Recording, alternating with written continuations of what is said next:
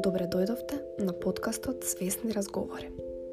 Јас сум Катерина и преку овој подкаст планирам да ве однесам во реалноста која јас ја живеам веќе неколку години. Со моите гости ќе зборуваме на теми кои ќе ви помогнат да станете свесен креатор на собствениот живот. Искрено се надевам дека ќе уживате во секоја наредна епизода.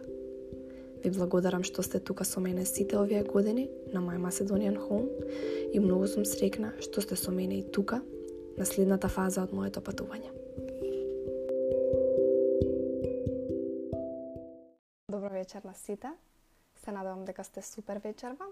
Добре дојдовте на а, овој лайв кој е девети поред, кој ќе биде претворен во деветата подкаст епизода А, се надевам дека уживате во а, месец август, иако е доста а, тивок месец, мирен, некако сите сме мрзливи, не сакаме да правиме некои активности, не сакаме многу да мислиме на едукација или на некоја работа. Меѓутоа се надвам дека уживате во а, летните денови опуштени, правејќи го она што најмногу го сакате со вашите најмили и се надевам дека вечерва ќе уживате со нас. Вечерва моја гостинка е Бојана Стојменовик Петровска, која што предпоставувам дека добра знаете од незиниот инстаграм профил Мој психолог. А, јас Бојана исто така ја запознав преку ова социјална мрежа и најпрепознатлива ми стана по незината впечатлива црвена коса, незиниот смирен глас и незината а, смирена енергија, незината смирена појава на секоја од незините видеа. А, Бојана е психолог, Бојана е мајка и Бојана е уште многу работи за кои таа ќе ни каже точно што се. Бојана е исто така и еден од а, предавачите на првата онлайн конференција за свесно родителство, но на конференцијата ќе зборува на сосема поинаква тема поврзана повеќе со децата. А, денеска на овој разговор ќе се посветиме повеќе на односот меѓу партнерите по добивање на деца, а не на нивниот однос кон децата. А пак баш за односот на партнерите а, кон детето, ќе зборува на конференцијата Кристина Дескоски, значи тоа е една огромна тема и може да биде поделена на толку многу подтеми. А, но ајде да не дол, должам многу со воведот, би сакала да ја поканам Бојана да ни се придружи, па ќе си разговараме повеќе.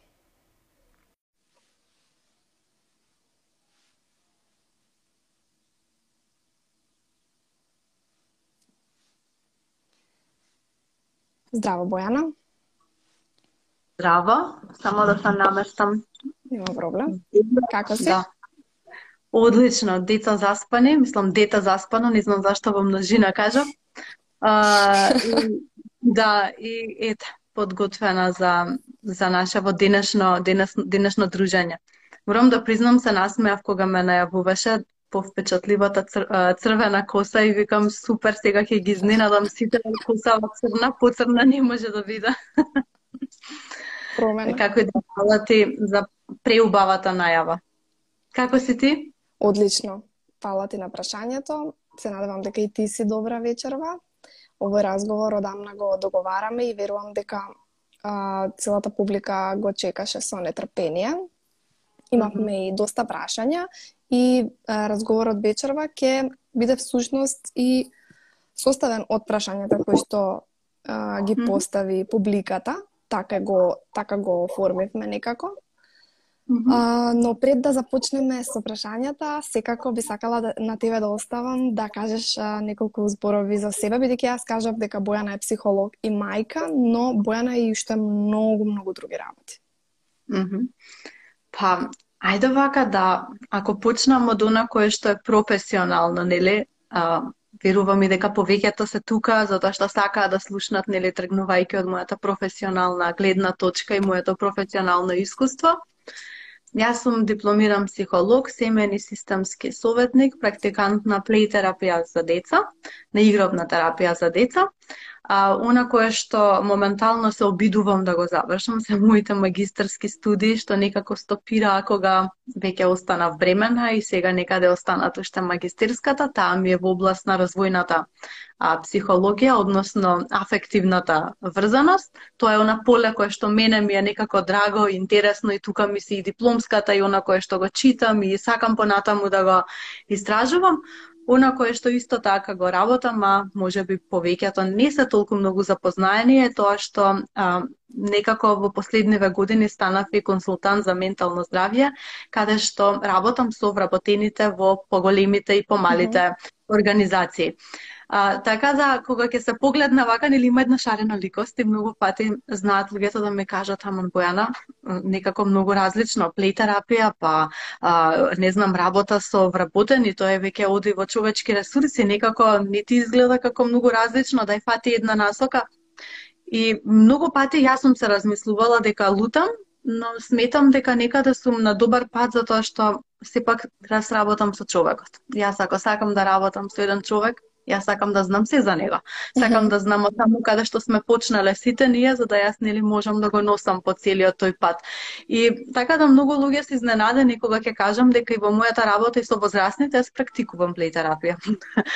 Секако не е тоа концепт како што е да речеме кога јас работам со дечиња, каде што цела канцеларија ми се притвара практично во една игрална, но а, она кое што е нешто кое што е употребливо и применливо и го работам и со а, луѓето, а еве тоа никад може да го, може да го споменаме.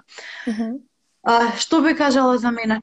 Ме немаше можеби година и пол на Инстаграм, а, станав мајка во меѓувреме на едно прекрасно дете, прекрасно синче, кое што многу работи ме научи, за многу работи а, буквално ме натера многу работи си ги фрли во вода или mm -hmm си кажав, ова ништо не важи. Се до сега што сум читала и што сум мислела дека знам, ова не е применливо значи, за ова дете. Значи, внимавајте, ова психолог ви го кажува. Да. Да, и да, некогаш ќе се навратам на тоа подолго би сакала да зборувам, а тоа е она она некаде мислам дека како една, не знам како да кажам, пандемија која што влада е моментално кај родители, препорачате литература, препорачате книга и многу млади родители следам дека одат во таа насока и сметаат mm -hmm. дека се прочитани на неколку книги дека уф се просветлиле и нели стануваат најдобри родители. А, не е така, книги, децата не се по книга. Книгите треба само една нова перспектива секогаш да ни дадат и да ние можеме да го набљудуваме детето ни с тие различни перспективи, а не да се обидуваме нашето дете да го растеме по некаков калап кој што ни ја дава одреден автор или некоја книга и тоа се обидувам секогаш да го кажам за секоја литература, за секоја да. тема од психологијата. Она кое што во слободно време го правам е сакам, ги сакав социјалните мрежи, сега се обидувам повторно да ги засакам, некако се обидувам да бидам поприсутна. Она кое што го правам е доста читам и цртам. Тоа е она кое што може би еве повеќето за цртањето не, не за мене, да. Одлично, и да не многу, да би сакала а... да си продолжиме за темата а, да се надоврзам на ова што го кажа. А, мислам дека јас бев една од тие која, кои што мислеа дека а, ке прочитаат книги за родителство и после ке ги имаат сите одговори. Но јас сум човек што е многу отворен за различни размислувања и отворена сум и да го променам размислувањето и често го правам тоа. А, сватив после одредено време по добивањето на второто дете дека како што кажа, тоа не е така воопшто и баш заради тоа и оваа конференција. Оваа конференција е за да даде насоки за секој родител да може да донесува самостојно одлуки mm -hmm. кои што ќе бидат за доброто и на родителот и на неговото дете. А не mm -hmm. само да се водиме строго по некои рамки од а, некој автор. Значи, не може mm -hmm. да биде нешто универзално за секое дете баш. Туку едноставно да ги отвориме нашите погледи и да можеме поотворено да размислуваме за воспитувањето. Знаеш а... не би сакала да се надоврзам во однос на ова прашање и во однос на темата. А, знам дека може би имаме нели некаков договор или концепт во однос на разговорот. Знам дека малку ќе поместам, но би сакала да одвојам минута две, затоа што дел од прашањата кои што пристигнуваа беа да се препорача литература. Литература која што се однесува на партнерските односи, како да се подобри, како да се одржи интимата и така натаму. И би сакала затоа што веќе зборуваме за литература и би сакала да кажам дека исто тоа кое што ние го кажуваме сега за родителството важи апликативно и за партнерскиот однос. Ние не можеме да очекуваме дека а, книгите нас ќе ни го подобрат односот со партнерот. Не можеме да очекуваме дека една книга или две книги прочитани нас ќе на направат помудри да речеме и дека тоа автоматски нас ќе ни помогне. А, јас апсолутно ќе препорачам книги и ќе објавам каде може да се најдат и да се купат купуваат или да се симнат онлайн, онлайн и така натаму, но поинтата ми е дека сите тие книги, сите овие конференции, сите овие обуки, тренинзи кои што моментално мислам дека ни се на дофат повеќе од било кога, треба само mm -hmm. да ни дадат знаење, искуство, наше искуство, присуствувајќи или читајќи или да слушнеме туѓо искуство и да ни дадат различна перспектива и да видиме што е она што ние можеме да го примениме на нас, на нашиот живот, во односот со партнерот, во односот со нашето дете, та што сите ние сме различни. Не важи се за сите луѓе, не сме ние во калапче. Така е, точно. Епа, а, супер што почнавме вака со ова, а, ќе се надоврзам на ова, ова е а, дел од прашањата кои ги добивме од следачите. А, колку е важно а, за партнерите пред да стапат во брак да се свесни дали всушност воопшто сакаат да функционираат во заедница брак. Колку е колку е битно тој разговор да го имаат воопшто отворено направено. Мислам, mm -hmm. јас знам дека е важно, меѓутоа колку треба да се свесни самите дека дека воопшто сакаат во брак да бидат. Mm -hmm. И што може би многу не знаат што одговорности носи заедницата брак. Mm -hmm. Mm -hmm. Ајде вака, а, мојата дипломска а, беше а, меѓу другото истражување на квалитетот на брачниот однос. Ме интересираше кои се оние а, а фактори кои што влијаат да а, партнерскиот однос во а, брак биде она кое што ќе донесе поголем квалитет. И а, можам да дадам одговор ваков, дека најдов на многу информации. Ако одиме хронолошки, историски, како истражувачите нели истражувале, како поминувало времето, различни контексти, па и контекстот се менувал, имало многу различни варијабли, многу различни фактори кои што придонесувале да како ние го прецепираме брачниот живот или бракот, а, многу многу се менувало во текот mm -hmm. на времето. Но на кое што можам да го кажам е дека она кое што останало е дека прво ние треба да знаеме сите за себе дека сите ние си носиме некакви очекувања. Кога ние зборуваме за брак, кога ние зборуваме за заеднички живот, ние си носиме очекувања со себе. Очекувања, желби, сонови, ам, она кое што ние си го посакуваме, она кое што ние си го проектираме во партнерите. И јас тоа многу пати го опишувам и овој пример мислам дека го давам малте не секаде. Ама тоа е кога исто како кога ние одиме на аеродром и гледаме луѓе тегнат куфари со нив, нели, поима немаме што носат во нив, тоа сме ние. И ние сме такви. Ние сите си имаме куфери со нас и си ги носиме со себе и ние не знаеме тој другиот што носи во тој куфер, односно ние не знаеме нашиот партнер баш какво искуство имал да речеме од неговото семејство по потекло. Ние не знаеме во текот на животот а какви искуства имал, па може би тие влијаеле да тој може би го помени, го промени а, погледот во однос на брач, брачното живење, партнерството и така натаму. И сето тоа не е погрешно и ние може би теоретски никогаш нема да знаеме дали сме окей со нешто или не, туку треба да истражиме и да видиме. Ова го кажувам затоа што постојат луѓе кои што да речеме стапиле во брак и сум работала со клиенти кои што кажуваат јас сватив дека мене бракот не ми менува ништо. Односно мене не ми менува дали јас ќе бидам во брак или не. Тоа сме ние двајца. Но тоа го разбрав откако стапив во брак и тоа не е погрешно. Има луѓе кои што одбираат да не стапат воопшто во брак и да живеат или да не живеат заедно со партнери така натаму и да си водат некој собствен различен животен стил. И тоа не е погрешно. Зашто? Ако е тоа окей за нив, кои сме да. ние да кажеме што го правиш, не чини не е воопшто добро. А, има луѓе кои што едноставно сакаат да бидат да стапат во брак и сакаат да бидат во брачна заедница и сакаат да градат партнерски односи, релација и тоа за нив е нешто кое што така треба да биде. И тоа е окей. Кои сме ние да кажеме дека тоа не е окей. Но на кое што сметам дека апсолутно е нешто кое што убаво би било да се развие како пракса, а тоа е да се зборува. А, не да се зборува само да си кажеме ние нели што очекуваме и да си нафрлиме работи, она кој што кажуваме корпата со ѓубре што си имаме, само вака да си ја фрлиме пред себе и да кажеме јас вака ти така. Не, туку а, убаво е да се зборува отворено со партнерот, а, со оној кој што ние планираме можеби заедничка иднина, заедничко живење, брачен живот. Убаво е отворено да се комуницира за сите овие работи, за нашите очекувања, а, за нашите а, што она што ние си го носиме со себе, затоа што ние не секогаш знаеме што носиме со себе и ќе ви дадам пример, многу едноставен, личен, што јас понесов од моето семејство, појма немав дека сум си го понела и сум си го применила тука кај мене. А, но идејата е дека секој пат треба да се зборува, затоа што а, многу е едноставно кога бракот ќе го погледнеме како буквално вечна борба за барање на компромис. Mm -hmm.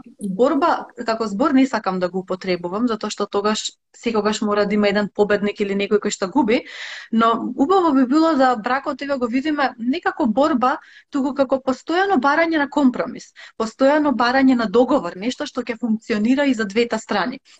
Еве, примерот ќе го дадам. Uh, јас, на пример, во моето семејство секогаш требаше да се собереме на ручек сите заедно. Каде и да сме, ручекот сите сме заедно на маса, особено недала, недала каде и да се ти во четири си дома на ручек со сите и дома се руча семено. Mm -hmm. И секогаш сум кажувала кога јас ќе имам моje семејство и кога јас ќе живеам сама, дека ова нема да важи, дека секој ќе си јаде кога ќе сака. И многу интересно, јас почнувам да живеам заедно со мојот партнер, мислам, тогаш не бевме и во брак, тогаш уште и почнавме заедно да живееме и некада на почетокот, и ние сега не се усогласуваме со распоред. Јас со работа излегувам од работа за да ручам дома, што немаше никаква логика и тоа траеше можеби недела две. И памтам, ние влегуваме во конфликт. Зашто ти не почитуваш дека треба да ручаме заедно, па тоа е многу важно. И се паќам себе си во тој момент додека сум во среда, конфликт буквално, си викам, Боже, Бојана, што си донесе? Она кое што викаше дека никогаш нема да го донесеш, еве си го донесе. И јас почнав да се смеам. А, ме погледнува ми вика, добро, сега ова тебе ти е смешно, не те разбирам. И отворено му кажувам зашто станува збор. И вика, не ми се верува, сигурно вика, И јас многу работи си носам, викам, веруваме дека многу работи ќе си изнесеме пред нас самите, да допрва. Така да ова е само еден еве личен пример како никогаш и работите кои што ние ги отфрламе и сметаме дека не е тоа за нас и нема да дојде до нас и нема да си го понесеме во тој куфар, некогаш ние не бираме и несвесно си носиме многу работи и се е тоа окей. Додека зборуваме и комуницираме. А кога ќе најде проблем, решава, гледаме како да го надминеме тој проблем.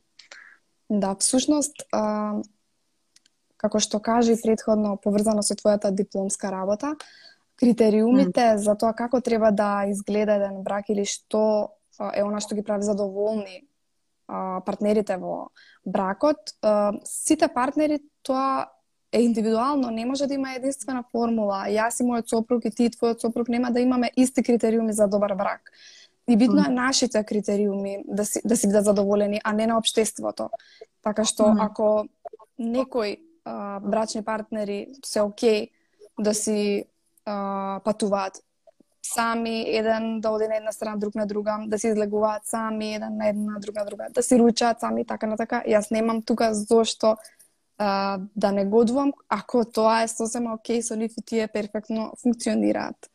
Така што mm -hmm. да, таа формула а, не важи за, за сите, за сите парови.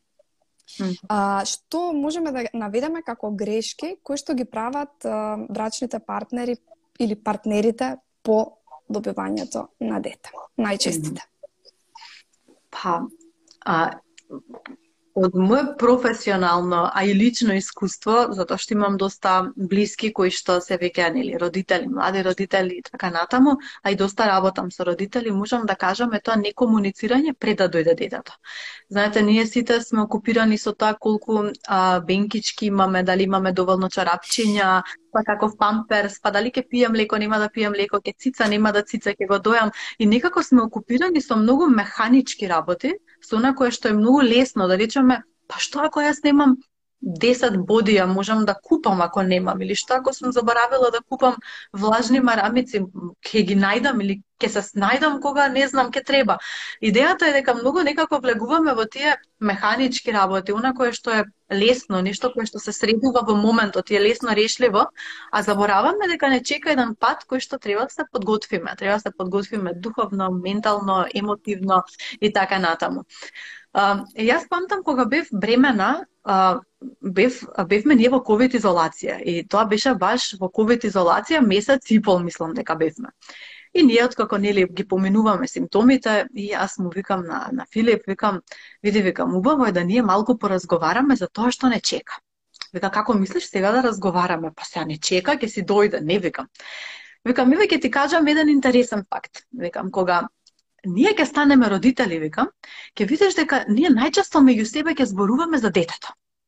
Е што сакаш да кажеш, викам, муабет нема да правиме. Не викам. Ке видиш дека разговорот меѓу нас, викам, ќе има тенденција да се претвори да ние бидеме во насока а, јадеше, спиеше, ждригнали, те молам ждригнали.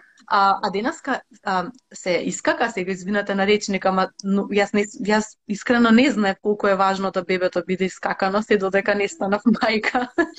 а, а дали спија, дали го заспа, а, и кога има преглед и така натаму. И некако и, и, и, и ме гледа вака и ми вика, тоа нема шанси да се случи, вика, па ние сме свесни, па ти си психолог. Е, добра, да, се супер, ние свесни родители, психолог, ние го направивме тој разговор за сето она кое што нас не очекува, некако го оставивме да не да чека за боле време и некако бебето дојде, Никола се роди и ние станавме баш така, некако влеговме во тој луп, јадеше, спиеше, го облековме, сега ќе се бања, ваму на преглед, таму имаме закажано ортопед кога, вакцина кога и така натаму. И седиме и ми вика, знаеш дека беше управо.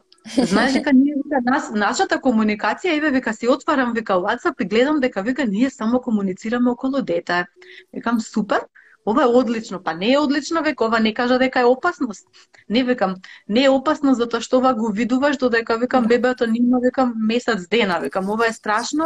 Ако бебето викам прерасне во седмо оделение, ние уште го имаме овој муабет. Географија имаше, а, а, а поправи оцена математика и така натаму. Тогаш викам ќе биде страшната.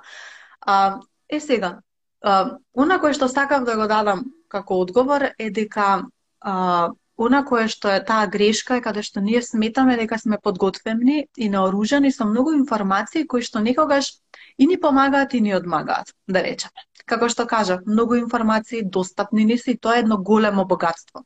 Но некогаш знај да одмага, затоа што знаеме да се внесеме во некои работи кои што нас не ни помагаат во моментот. Некако гледам дека луѓето неселективно а, ги прибираат сите информации. Ние оставаме простор за она кое што е важно. А тоа е да ние седнеме и да бидеме присутни и да искомуницираме со оној со кој што ние ќе го растеме тоа дете. Затоа што ние не сме еден родител, ние сме родител со уште еден. Сега зборувам во овој контекст, кога имаме mm -hmm. двајца родители кои што се присутни и да не е, ова е друга тема, но би кажала и да не е, тогаш би требало да се седне и да се разговара со оној кој што ќе помага во целиот родителски процес. И треба да се зборува повеќе во насока што очекуваш ти, што очекувам јас. А може би да се навратиме на нашето детство, да речеме како јас го поминав, што јас се сеќавам, што ти се сеќаваш. Што ќе земеш ти со себе во однос на твоето родителство сега како родител? Да речеме, еве ми кажуваш дека може би мајка ти била попопуштева. Дали ти сега ќе бидеш попопуслив околу своето дете. Чисто да си една убава ретроспектива и еден убав разговор на разменување да видиме каде сме. Убаво е да и тогаш се договориме, да речеме, ако забележиш дека може би одам во некоја насока, дигни рачна, кажи ми звонче, ќе дадам еве пак пример. Јас може би сега многу летам со мои примери, ама мислам дека нема нема да има проблем никаков памтам, баш памтам кога Филип само ми кажа Бојана, еве рачна ти дигам сега. Леле, викам зашто јас не се фатив себе си зошто? Вика, абе Бојана, детево се супер проводе, ама ти цело време си пази, пази, пази, пази, вика детево mm -hmm. нема да оди затоа што ти си цело време пази, пази. Леле, викам, јас не се фатив себе си. Јас викам, стварно, не сум свесна дека пази, пази ми е зборот кој што ми е цело време во уста. И еве тоа беше еден договор да речеме меѓу нас да ние си бидеме а, аларм кој што ќе кој што ќе не ќе се алармираме меѓу себе доколку можеби некој отиде во некоја насока не е свесен. Така да таа комуникација, таа подготвеност многу помага во таа прва година, во таа втора година, но тоа не значи дека ние еднаш ќе зборуваме и после не, туку постојано. Убава е рутина да речеме да ние си седнеме со партнерот и можеби еднаш неделно седнеме на чај да видиме каде сме во однос на ние како партнери, во однос на ние како родители, да едноставно видиме каде сме изминатиот период, месец, два, година и така натаму. Вие сте си избрале многу па, убав начин за да го направите тоа, а најчесто ова го правиме многу погрешно со обвинување и со а, споредба со нашите родители. Еве, види сега иста си како мајка ти. Или леле, еве, види сега што правиш, иста си како татко ти. Пример а вие сте си одбрале еден одличен начин за тоа да го кажете а, толку а, пријатно и толку а, да речам нежно, но од друга страна а, со грижа кон партнерот да, да му се даде до знаење дека го прави тоа што не би требало да го прави. И од ова прашање произлегува и следното мое прашање, кое што мислам дека е најчесто поставуваното прашање, како да се справиме кога родителите имаат различни стилови на воспитување или за некое прашање не се согласуваат. И мислам дека дури доколку би го правеле разговорот пред да имаме пред да добиеме дете, сепак може да се случи ова да да се јави несогласување затоа што не можеме секогаш да бидеме спремни на сите ситуации што не чекаат со децата.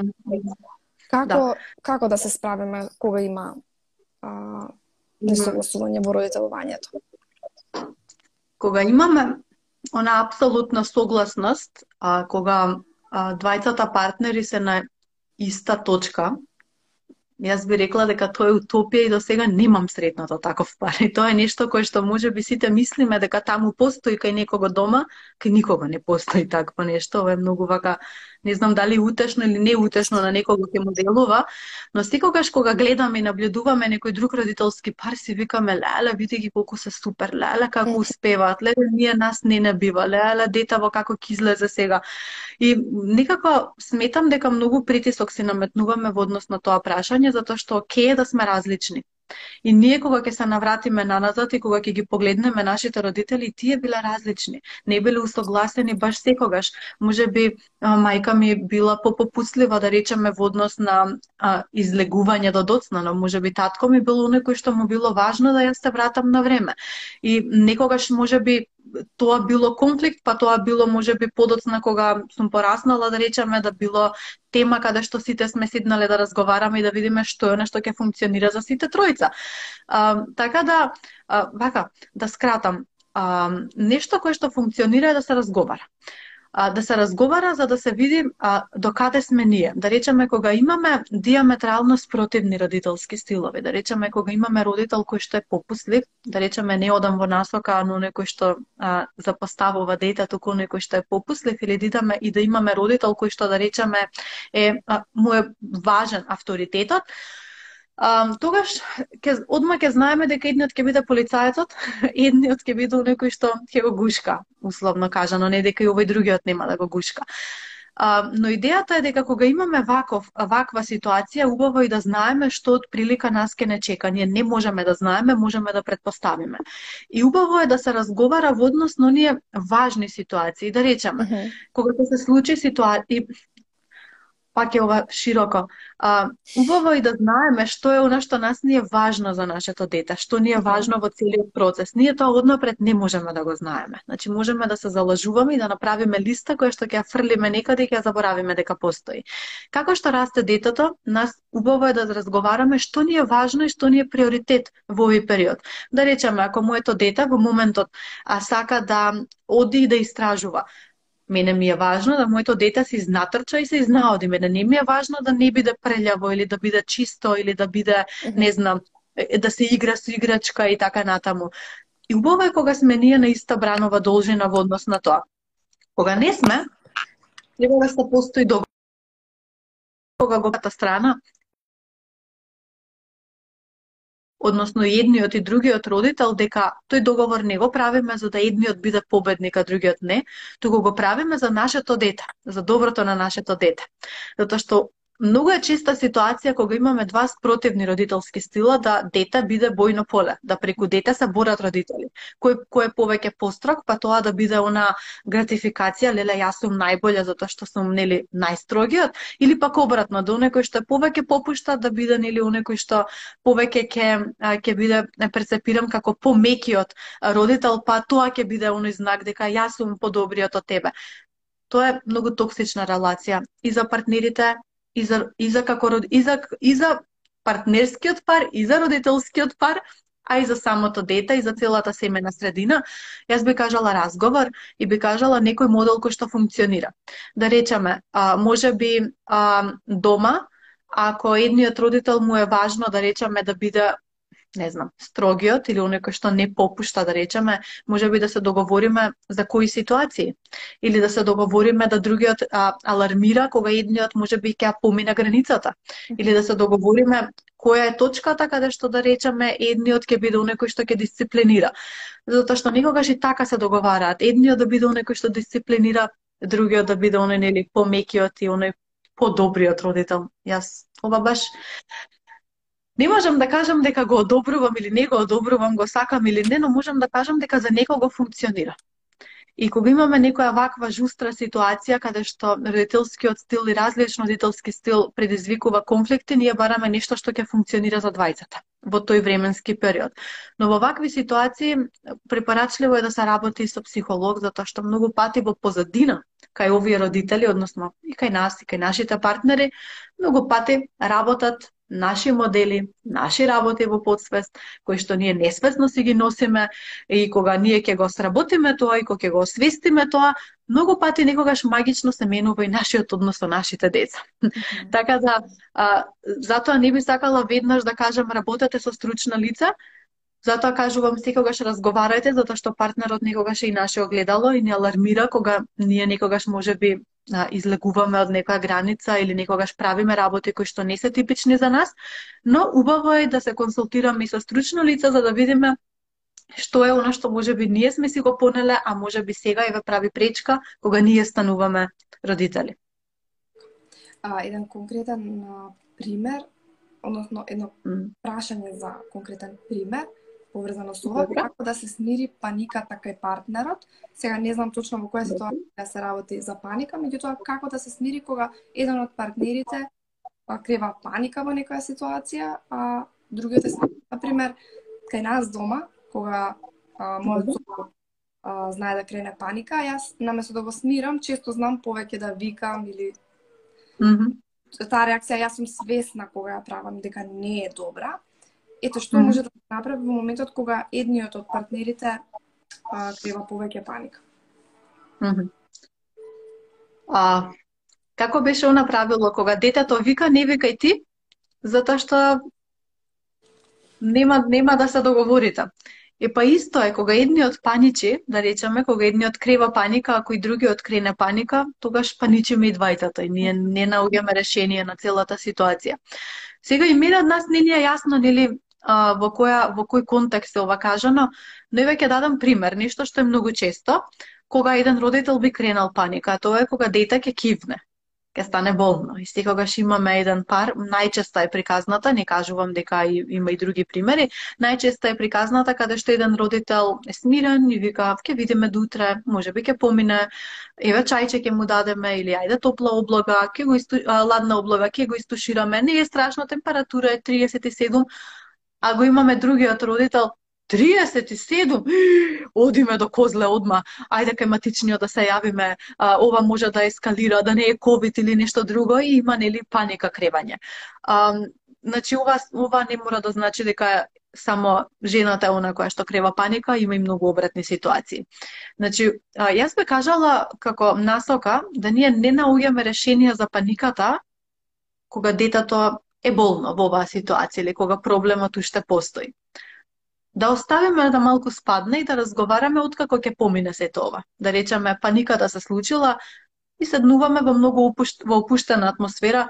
Океј, се случи да речеме ова и оваа ситуација, ти изреагира може би малку поневообичаено тоа што, не знам, јас тебе те познавам и многу ми изненади твојата реакција. Мене ме интересира Од каде таа паника, од каде таа возбуда? Што е она што се случуваше со тебе?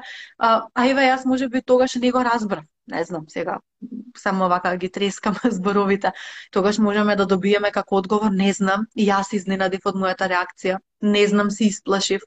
Не знам кога сум уплашен или уплашена, така реагирам. Не знам кога ми се важни работите, така реагирам па не знам, дома јас кога бев болен или болна, така реагирале и така натаму. Имаме различни ситуации кои што може да бидат причина зашто некој партнер реагира вака панично, да речеме во примеров каде што ја да речеме дете е болно. А, така да пак ќе кажам, како насока, не лечете паника, кога паничарот паничи, туку оставете да помине паниката, санирајте го проблемот околу кој што настанала паниката и разговарајте околу паниката, кога ќе се смири проблемот. Од после кога и двајцата ќе бидете смирени, не настока да видам ајде кажи ми сега што ти е да ти помогнам или да ти излечам, да видам да те оправам што многу пати го потребуваат вака како како речник, туку ајде да видиме што се случи да те разберам.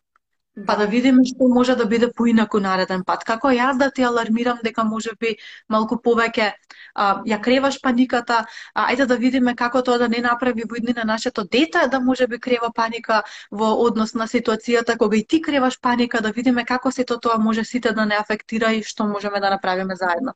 Мислам дека тоа на паничарот многу би му помогнало кога би видел и би најшол разбирање, не осудување и критика и лепење етикети исти или иста си како Тит. Да. А, баш ова мислам дека може да се аплицира на сите видови на односи. Кога mm -hmm. се обидеме да го разбереме другиот, од тој што е другата страна, баш да го разбереме, а, тогаш е многу полесно. Тоа е всушност свесно партнерство во случајов. Едно здраво, mm -hmm. свесно партнерство. Тогаш пробуваме да разбереме од каде му доаѓаат тие однесувања на партнерот и отворено разговараме за нив. Ми се допаѓа. да позборуваме за сексот по добивање на дете. Ајде. Ке ме прашаш или да си кажам? Па еве, може и од прилика насока некоја да ти дадам. Што се Добре. случува со емотивно со жената прво mm -hmm. по добивање на дете и како тоа влијае во а, сексуалниот живот, интимниот живот, во либидото, И истото mm. да го кажеме и за мажот. Mm -hmm. Иако тој не го раѓа детето, се случуваат промени по добивање за. Mm -hmm.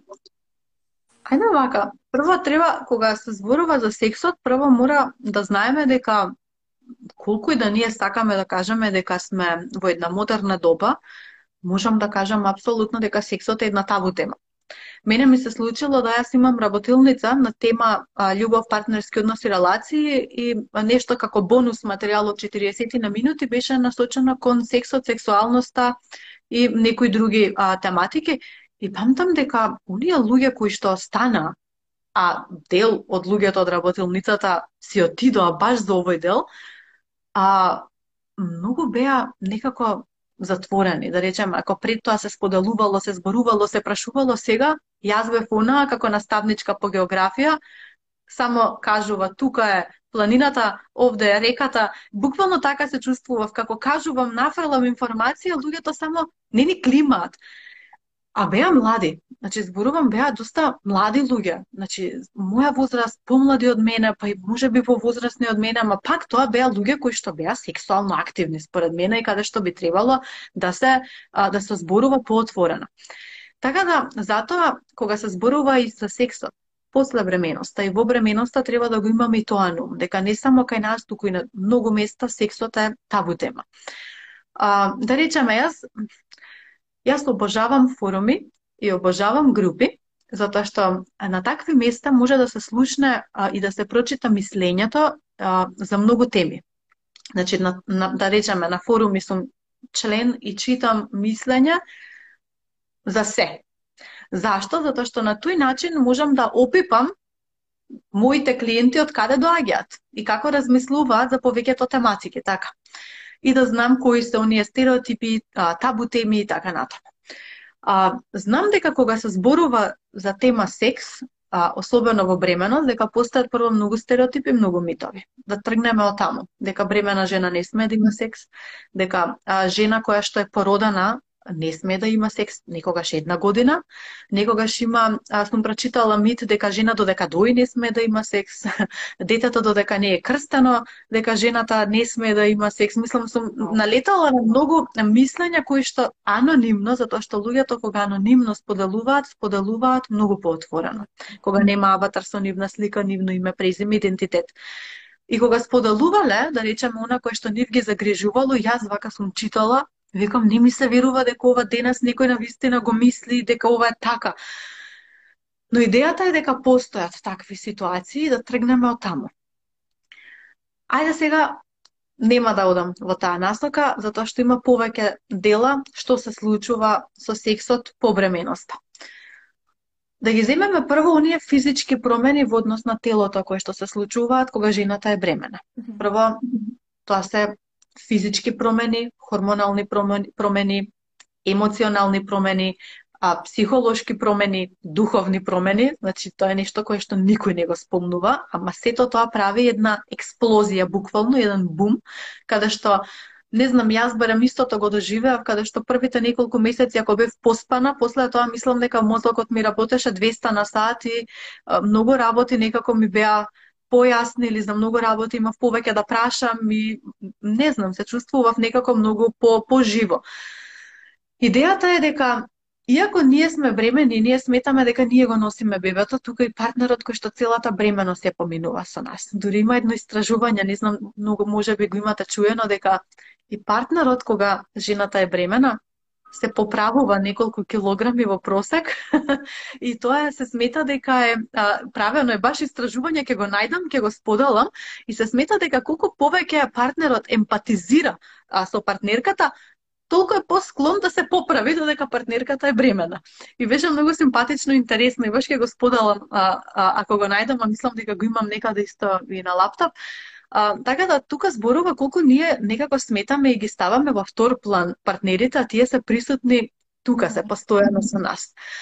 Иако ние, тие може би немаат физички промени толку многу во телото и тие се збунети. И тие го проживуваат, може би, истиот момент, ама на нивен автентичен начин.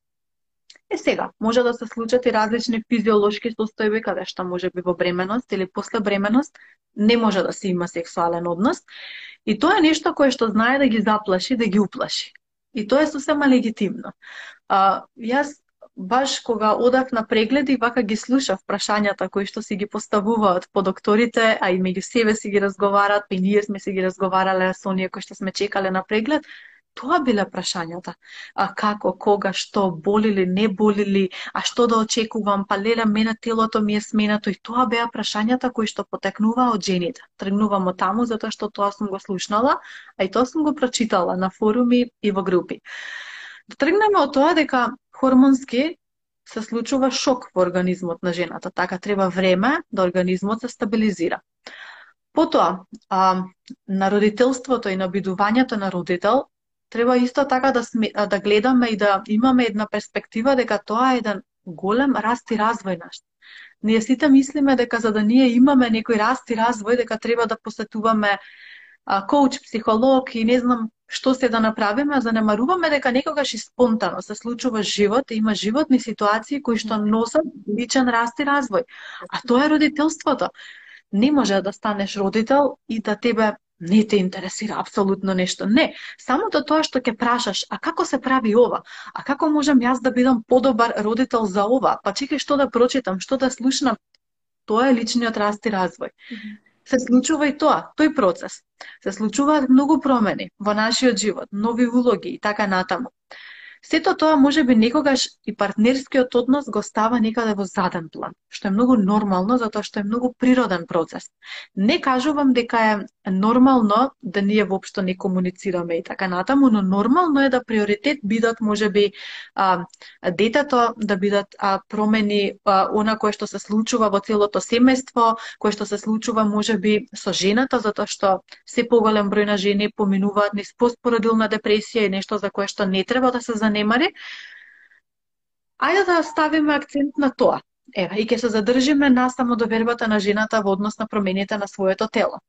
Јас многу пати а, реагирам, може би, може би некој ме прочитал, особено во групите, затоа што не сметам дека треба да кријам идентитет, а и на форумите не сум активна, туку само читам.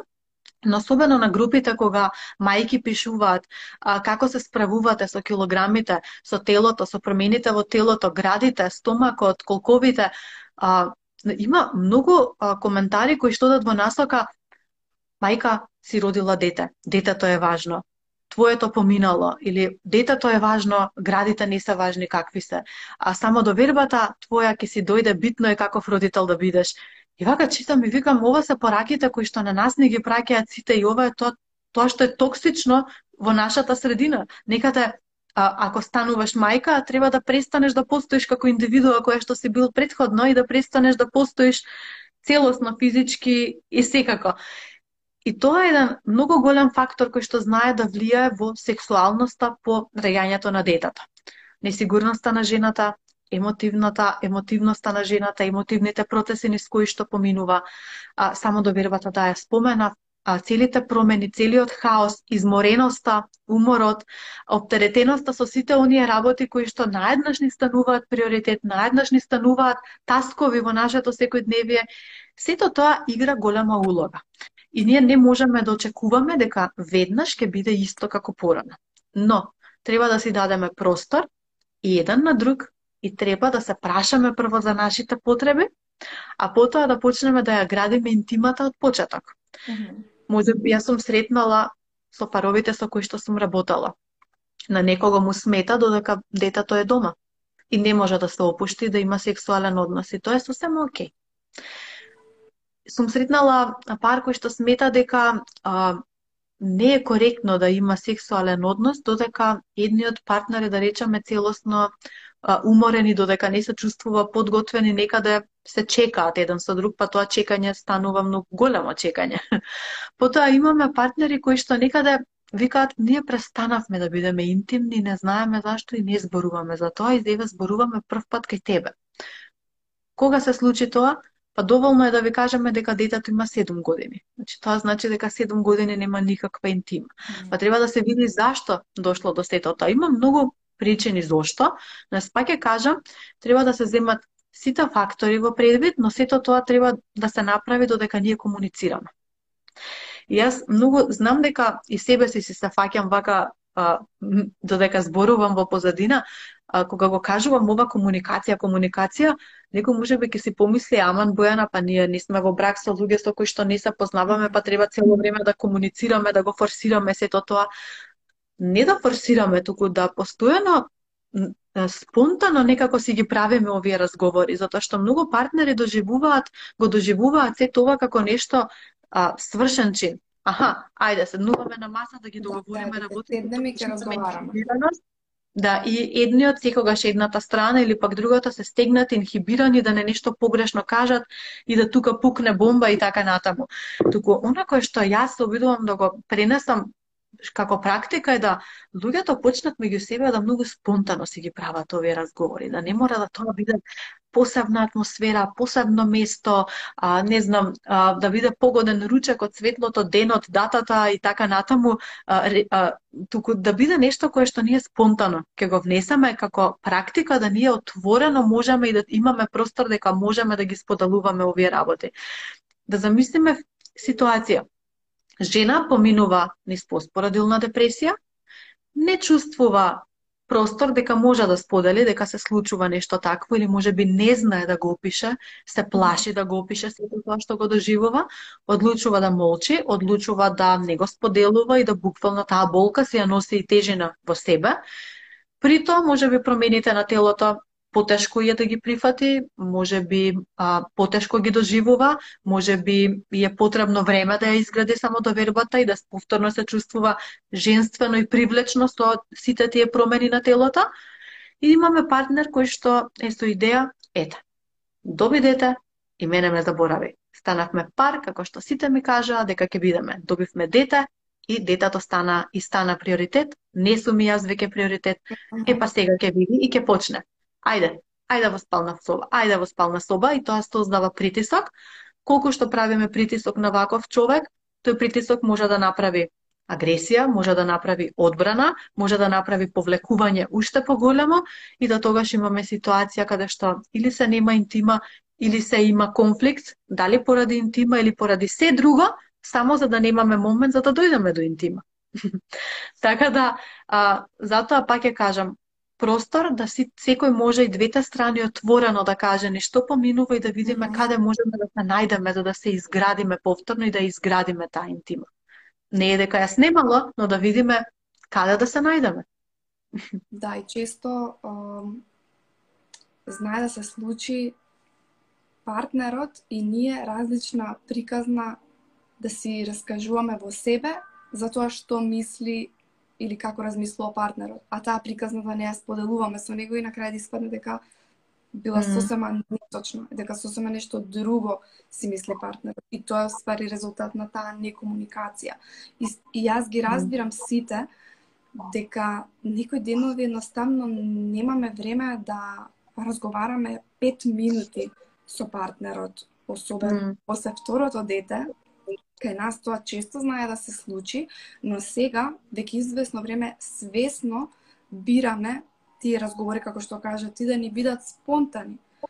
Во текот mm. на вечерта, кога ќе останеме кратко време сами, си даваме време за такви разговори. Mm. Не на седнување и со списокот сега за ова и ова ќе зборуваме, туку секој ден по, по некоја тема нова. Mm. А, Знаеш што помага ката? Еве, ќе кажам, не е техника, повеќе би кажала вежба, практика, нешто што може да се воведе. Многу Да, извини. А, ако сакаш прашај ме, па ќе го одговорам. Не, одно слово се Да. А, идејата е дека многу пати ние ги ставаме нашите партнери, особено ние жените, во втор план. Не, јас ке сменам пелена не, јас ке наранам, не, јас ке направам нешто. И многу пати другата страна се чувствува запоставено. И многу пати затоа што се чувствува запоставено и од таа перспектива дека не, не правам ништо, многу пати само наблюдува во целиот родителски процес и многу пати знаат да бидат и инхибирани и уплашени. Но идејата е дека ниту едниот, ниту другиот знае што прави и знаел што треба да прави кога тоа дете дошло, така. Ниту едната страна, ниту другата знаел или знаела како ќе треба да се однесуваме и како ќе треба да, да функционираме во нашето семејство од како ова дете ќе дојде. Идејата е дека потребно е убаво да се охрабруваме повеќе да не само се критикуваме. Та што многу пати кога сум дала насока на клиенти да се комуницира, многу пати тоа се некако си го подразбираат луѓето дека треба ние да се искритикуваме. Знаеш, мене не ми се допадна тоа. Знаеш ти кога вака правиш, мене не знам што. А, но убаво е кога ние би се охрабрувале повеќе, да речеме, а, не мора тоа да биде секој ден. Може да биде и спонтано, да, може да биде и не знам, на неколку дена кога ќе има момент, да речеме, ми се допадна во вторникот кога, не знам, а, детето падна и кога ти а, го остави телефонот и кога прида до него, го праша што е, а, го погали, го гушна, го утеши и беше тука присутен за него. На вистина него очекував тоа од тебе, но на вистина ме разнежни, многу ми се допадна таа твоја постапка. Чисто сакав да знаеш дека те забележав, дека си mm -hmm. тука. Може би за татко кој што не е толку многу присутен дома поради работа или татко кој што е несигурен, па поради тоа може би прибегнува да биде на телефон или да не е а, толку опуштен околу децата ќе му значи и ќе биде охрабрување. Mm -hmm. Или може би мајка која што е постојано околу деца, да речеме едно, две, три деца и може би верува дека е во некаков луп и дека постојано некаде а, фейлнува, односно дека постојано некаде нешто недостасува, убаво е да се каже те гледам дека даваш се од себе и верувај дека а, за мене си херој како си тоа во успеваш да го изведеш во еден ден. Одлична мајка си и на вистина сакам да го знаеш тоа дека те гледам, дека а, дека те поддржувам во сето тоа и мислам дека ова може би вака општи примери дадов, а ова може да биде многу конкретно. Ми се допадна како го нарани, ми се допадна а, колку грижливо го пресоблече детето, ми се допадна а, таа рутина што си ја создадовте да ти него го бањаш на вечер, ама би сакала јас или би сакал јас да ти се придружам некој пат. Може да бидат многу работи, но убаво е кога би се охрабрувале повеќе Знаеш, наместо да се критикуваме, затоа што тогаш ги потенцираш убавите а, карактеристики, убавите а, моменти кај едниот и кај другиот родител и тогаш а, оние родителски стилови некаде веќе паѓаат во вода затоа што се потенцира она што кое што функционира, она кое што ние сме го забележале. Е тогаш веќе и многу подруга и релација а, се создава и помеѓу партнерите, каде што ние не се надпреваруваме кој е боле, кој е подобар, туку некаде градиме однос каде што ние знаеме дека сме наблюдувани, ама сме окей со тоа затоа што знаеме дека е средина каде што постои љубов, каде што постои подршка, каде што и ако кикснеме, имаме разбирање и некој не наблюдува и ќе знае да ни упати за да тоа не биде можеби штета или конфликт подоцна. Да, средина каде што сме всушност каде што сме тим. Затоа што mm -hmm, да. за истиот тим, нели? А делумно го одговори, ама ајде сега за крај клучни совет за одржување ајде. на партнерска врска по добивање на дете. Океј. Okay. Ха, клучен совет број 1 би било комуникација. Значи, знам дека сум досадна за тоа, ама јас некако низ мојата работа стварно сум увидела дека недостаток на комуникација може да разниша најдобри другари, најдобар родителски пар, партнери кои што многу се сакаат, ама не доволна комуникација или токсична комуникација, на вистина знае да ги разниша тие односи. Затоа верувам дека а, а, да се комуницира и да се најде начин како да се комуницира и канал на комуникација кој што ќе функционира за двете страни, е еден предизвик кој што треба да си го направи еден пар, дали се во брак или не, кој што ќе треба да го гради понатаму. Нешто кое што ќе функционира или функционирало пред 5 години, може би нема да функционира сега. И сосема окей. Треба да видиме што треба да промениме за да можеме да функционираме во наредните 5 години. Односно, да се гледаме и себе си и начинот на кој што комуницираме како нешто кое што се менува, нешто кое што расте, нешто кое што окей ако некогаш не функционира, ама се додека ние разговараме да видиме што придонело до сето тоа, тогаш сме на добар пат. Број 2 би било поставување на лични граници, прво во партнерската врска, потоа во брачната врска, затоа што многу пати луѓе сметаат, окей, кога сум веќе во брак или во врска, не треба да имам лични граници, тоа е нешто многу погрешно и е нешто кое што е многу токсично потенцијално за себе да ние се ставиме во една во една таква позиција. Убаво е да бидеме свесни за нашите лични граници, кои што ние сакаме да си ги носиме и да си ги поставиме, но убаво и да разговараме со партнерот кои се тие граници наши кои што ние си ги носиме со нас. А, еве ќе дадам еден пример. А, мојот партнер сака да сака да речеме да игра игри. Тоа е нешто негово каде што сака да игра стратешки игри. Но кога ги игра тие стратешки игри, сака да не биде вознемируван. И јас сум многу окей со тоа немам никаков проблем. Тоа него му помага да може би размислува, затоа што вика јас кога играм на тој начин размислувам и мене ми помага. Од друга страна, јас кога читам или јас кога цртам, мене не ме интересира ништо околу мене, доколку тоа време знам дека е одвоено за мене. Мене не ме интересира кој филм го има или не знам кој излегол на улица. Мене не, јас се затварам во тој некој мој свет и јас сум тука и тоа е времето а, за мене. А, и тоа е окей со тоа. Пример. Но тоа се нашите еве пример за некоја многу едноставна граница каде што почитување на тоа време за себе ни е важно и на двајцата. Потоа поставување на семејни граници, односно на партнерски, нешто што ќе важи кон семејствата по потекло, може би кон другите а, луѓе со кои што ние имаме контакт и така натаму.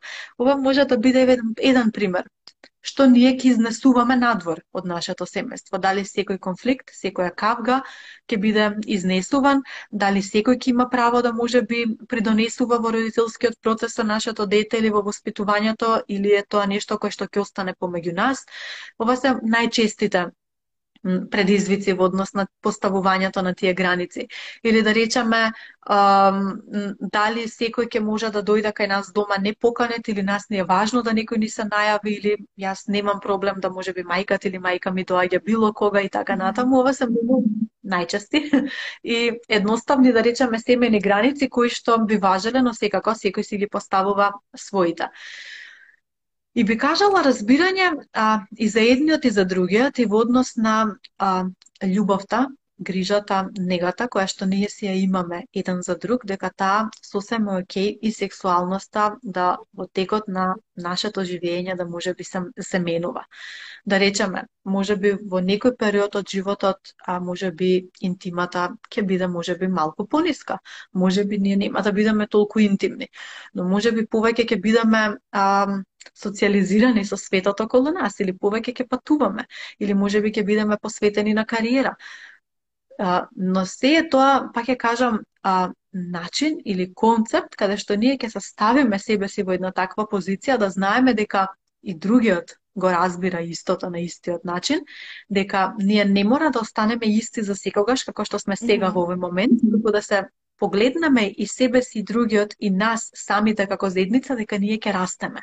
И не можеме да очекуваме и да не очекуваме практично дека се ќе остане исто, дека е окей да се менува. Окей е да некогаш може би имаме период каде што ќе бидеме конфликтни. Окей е да некогаш може би имаме период каде што или едниот или другиот или двајцата да имаат повеќе потреба за себе. Океј ако едниот има повеќе потреба да се насочи кон кариера. Океј ако едниот има повеќе потреба да биде присутен за деца. Не мора да и другиот. Мислам, може би некој го, за некој го ова ќе биде чудно да го слушна, но пак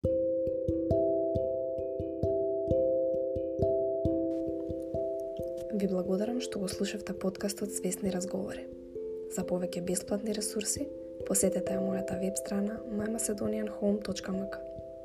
Подкастот е всушност превземен од мојот Instagram Live и освен што можете овде да го слушате, можете и да го гледате на мојот Instagram профил.